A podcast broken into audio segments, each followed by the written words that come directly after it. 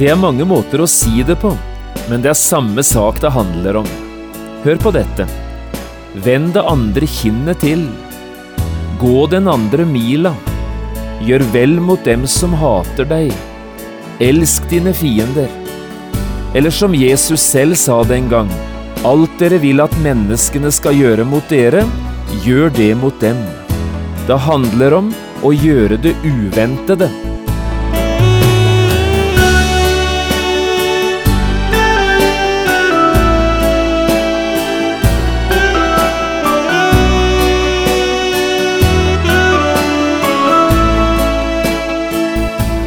Hjertelig velkommen til et nytt program i serien Vindu mot livet.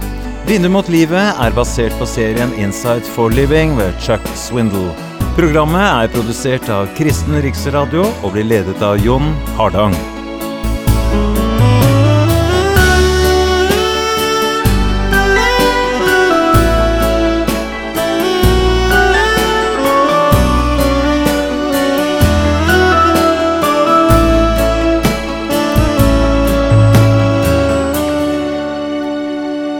Vi skal også i dag lese ett vers fra Bibelen.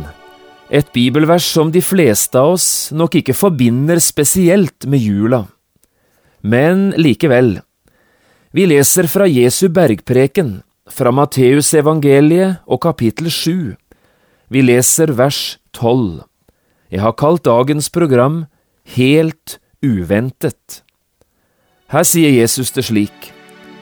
Derfor Alt dere vil at menneskene skal gjøre mot dere, gjør det også mot dem, for dette er loven og profetene.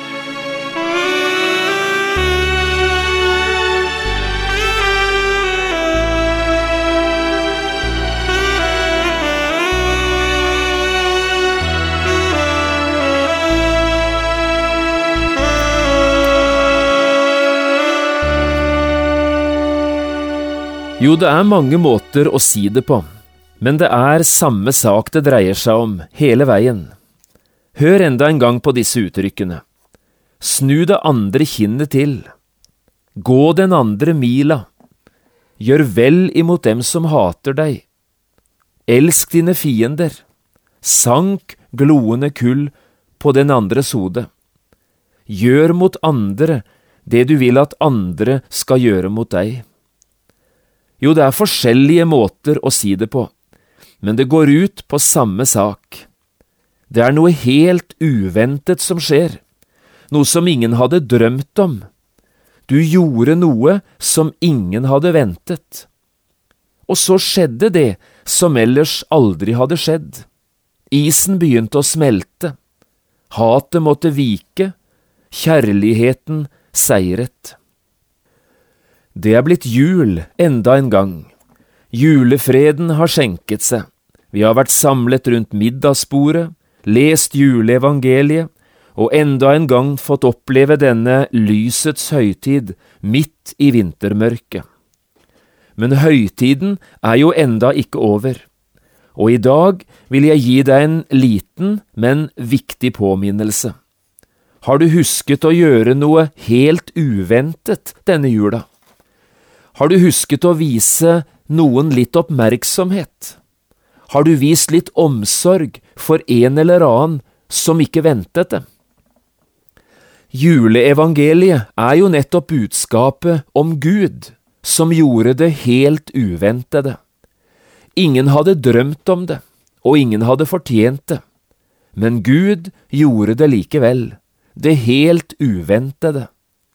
Gud viste sin kjærlighet til verden. Han sendte sin sønn. Og Jesus, han som kom til verden, han kom til verden for å frelse syndere. Hvem skulle ha ventet det? Gud tente lys i mørket. Og nettopp det skulle jeg ønske at også du ville prøve å gjøre denne julen, og du har enda noen dager å gjøre det på. Vær god imot noen. Gjør noe godt mot en eller annen som ikke hadde ventet det, og kanskje heller ikke hadde fortjent det. Gjør noe helt uventet, og se så hva som skjer. Jeg syns jeg hører en og annen litt forsiktig protest. Det nytter ikke. Det går aldri. I alle fall ikke for meg og i min situasjon.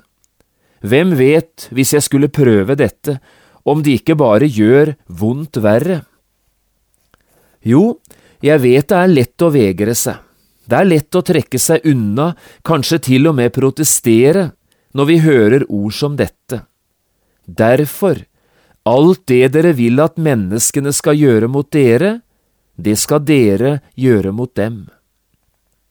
Men jeg spør, hvorfor vegrer vi oss egentlig? Hvorfor tenker vi at det ikke er mulig for Gud og Hans kjærlighet å gjøre under også i våre dager og i våre omgivelser? Jo, det er sikkert flere grunner til at vi vegrer oss.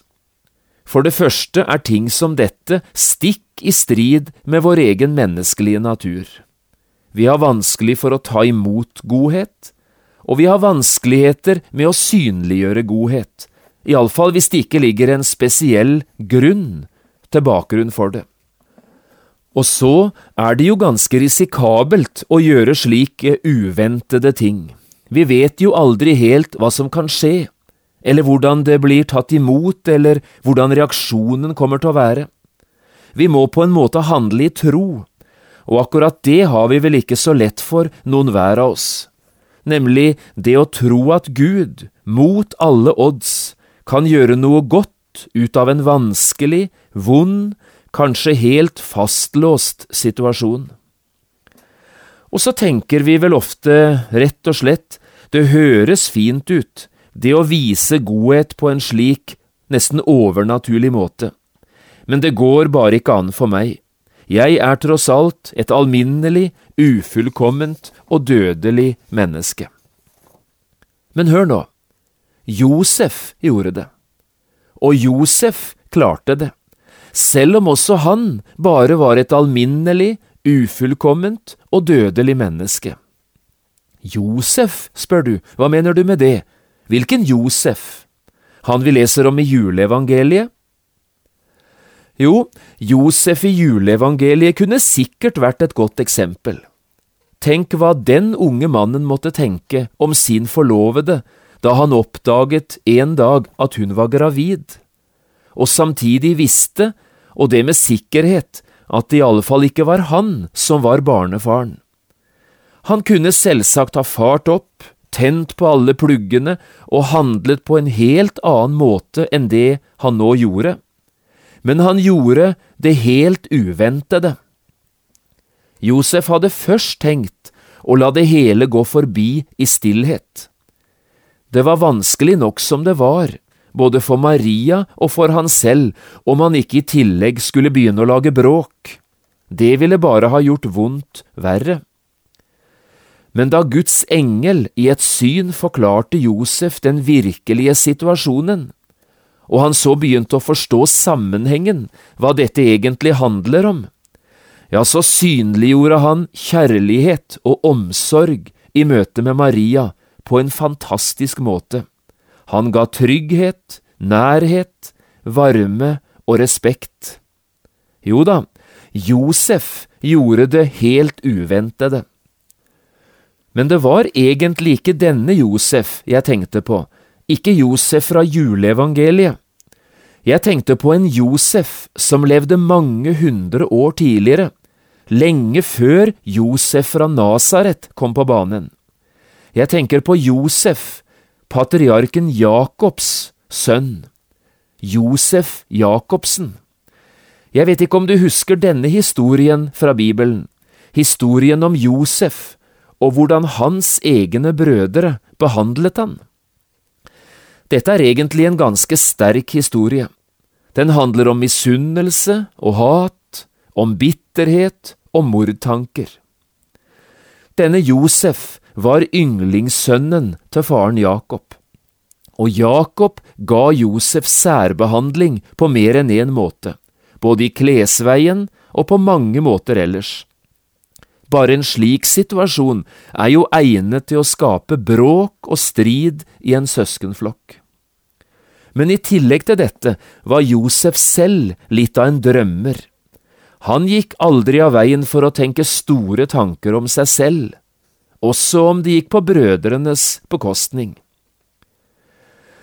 På denne måten grodde det etter hvert fram misunnelse og hat, bitre tanker om å få ryddet denne yndlingsgutten av veien.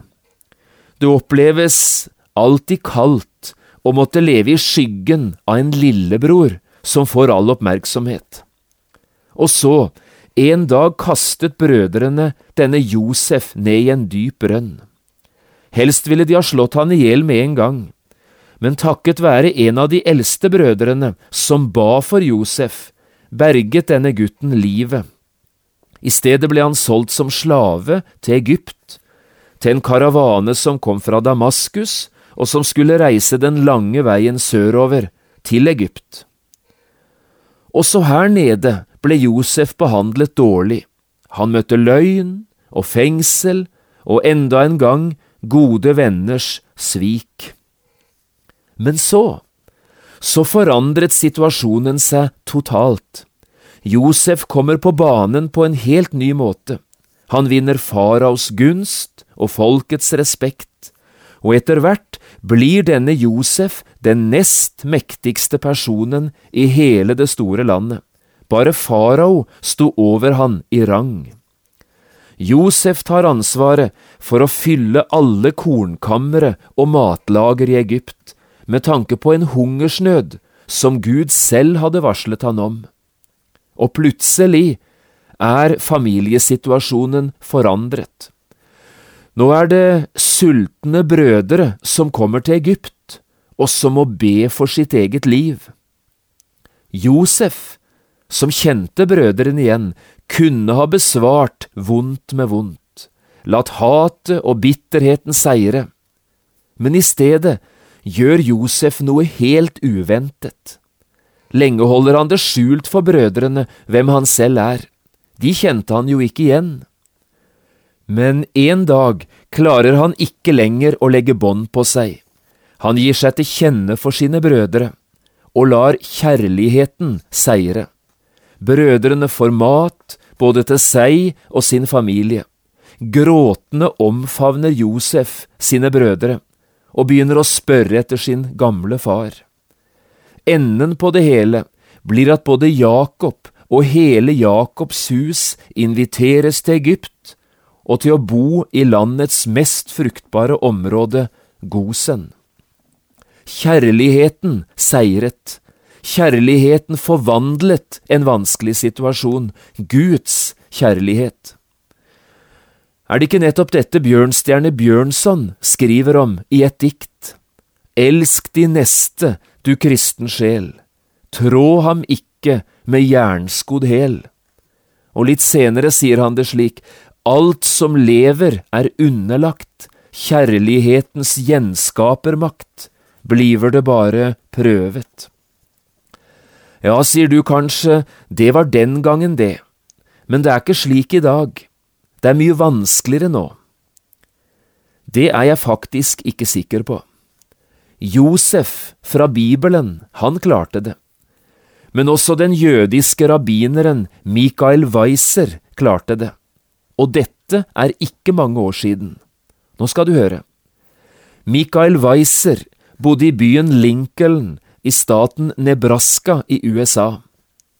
I den samme byen bodde også Larry Trapp, en mann med sterke nazistiske holdninger og en ivrig Klu Klux Klan-sympatisør. Et av ofrene som Larry Trapp valgte seg ut, var nettopp denne jødiske rabbineren Michael Weiser. Sin bitterhet og sitt hat spredte Larry Trapp både gjennom utallige mail og gjennom grov telefonterror.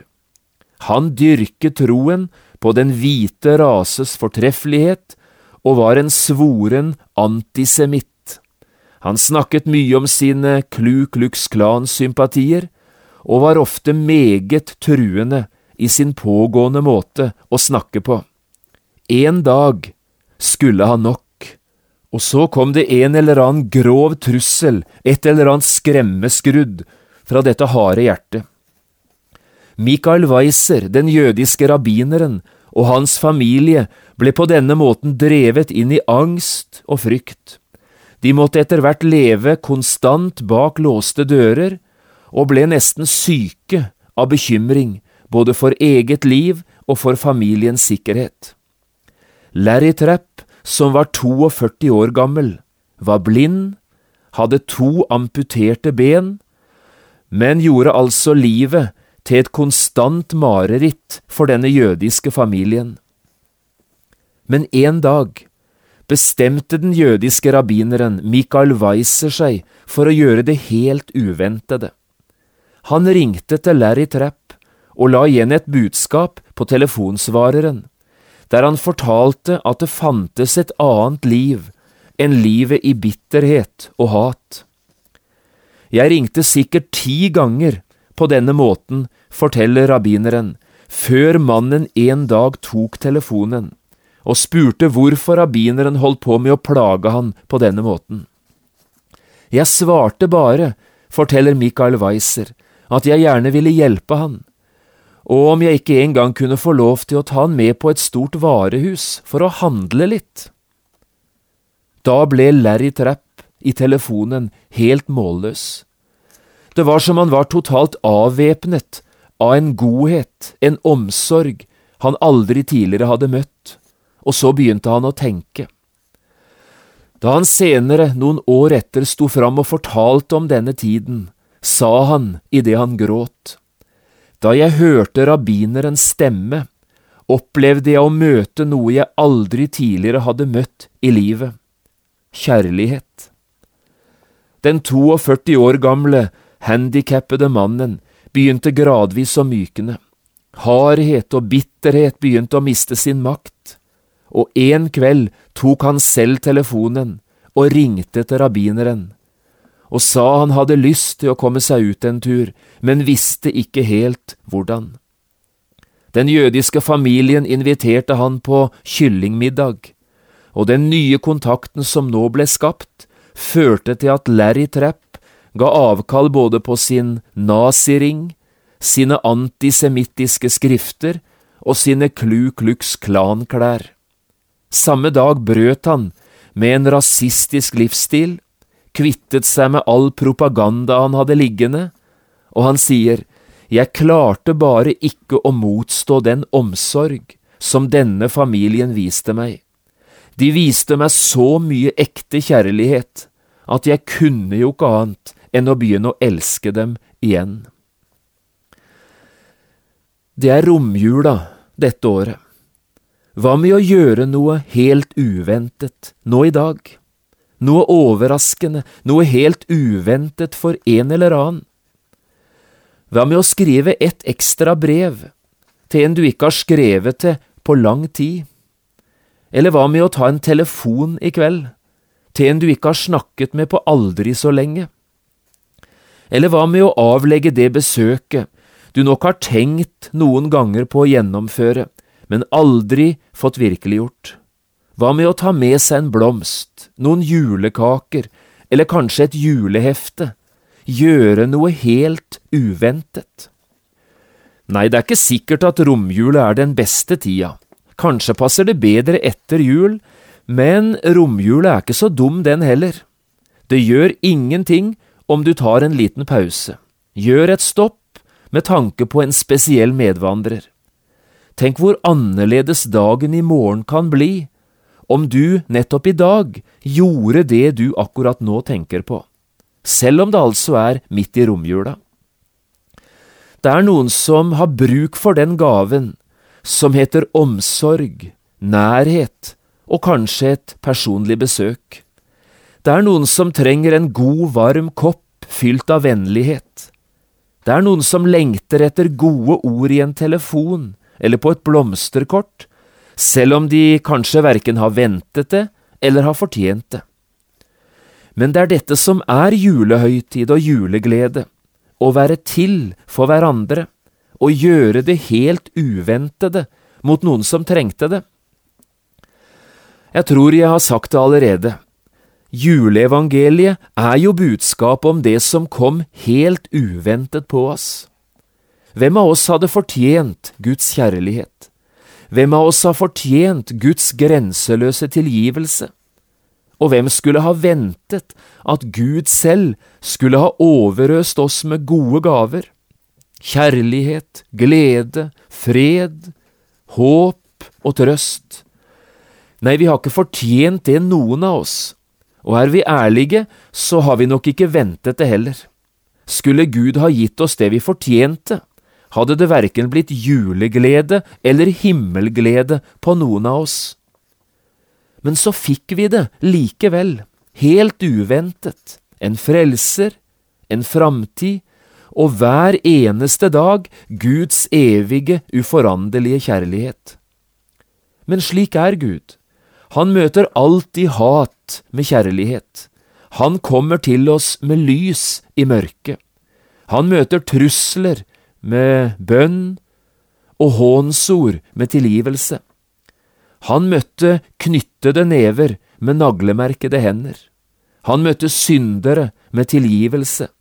Han ga den fortvilte lys og trøst, og den døende framtid og håp og alltid gjorde han det uventet og helt ufortjent. Skulle ikke også du og jeg prøve å gjøre det på denne måten i år? Prøve å være god mot noen som kanskje ikke har vært så god mot oss? Prøve å praktisere noen av disse bibelordene vi siterte fra begynnelsen. Ja, for du husker hvordan disse ordene lød, gjør du ikke? Vend det andre kinnet til, gå den andre mila, Gjør vel mot den som hater deg.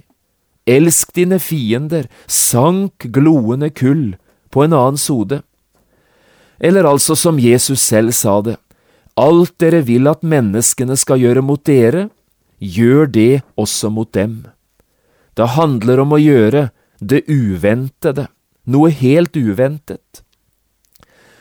Ja, for du husker kanskje også selv hvordan du opplevde det da noen gjorde noe godt mot deg, helt uventet. Kan du huske hvor overrasket du ble, og hvor godt det gjorde deg, og hvordan dagen ble helt forandret? Jeg sier det igjen, prøv å la noen få oppleve nettopp dette denne jula.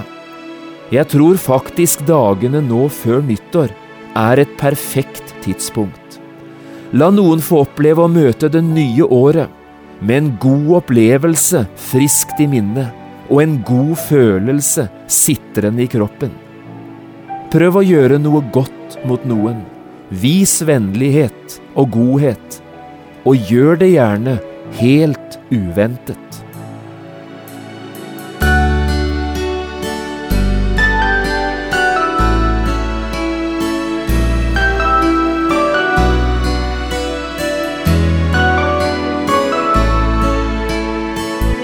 Du har lyttet til et program i serien Vindu mot livet med John Hardang. Programmene i denne serien kan også kjøpes på CD fra Kristen Riksradio, eller høres på internett på p7.no. Har du spørsmål eller kommentarer til det du nå har hørt, kan du ta kontakt med oss.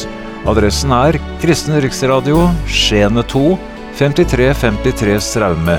Eller send en e-post vml alfakrøll p7.no. Takk for i dag, og på gjenhør.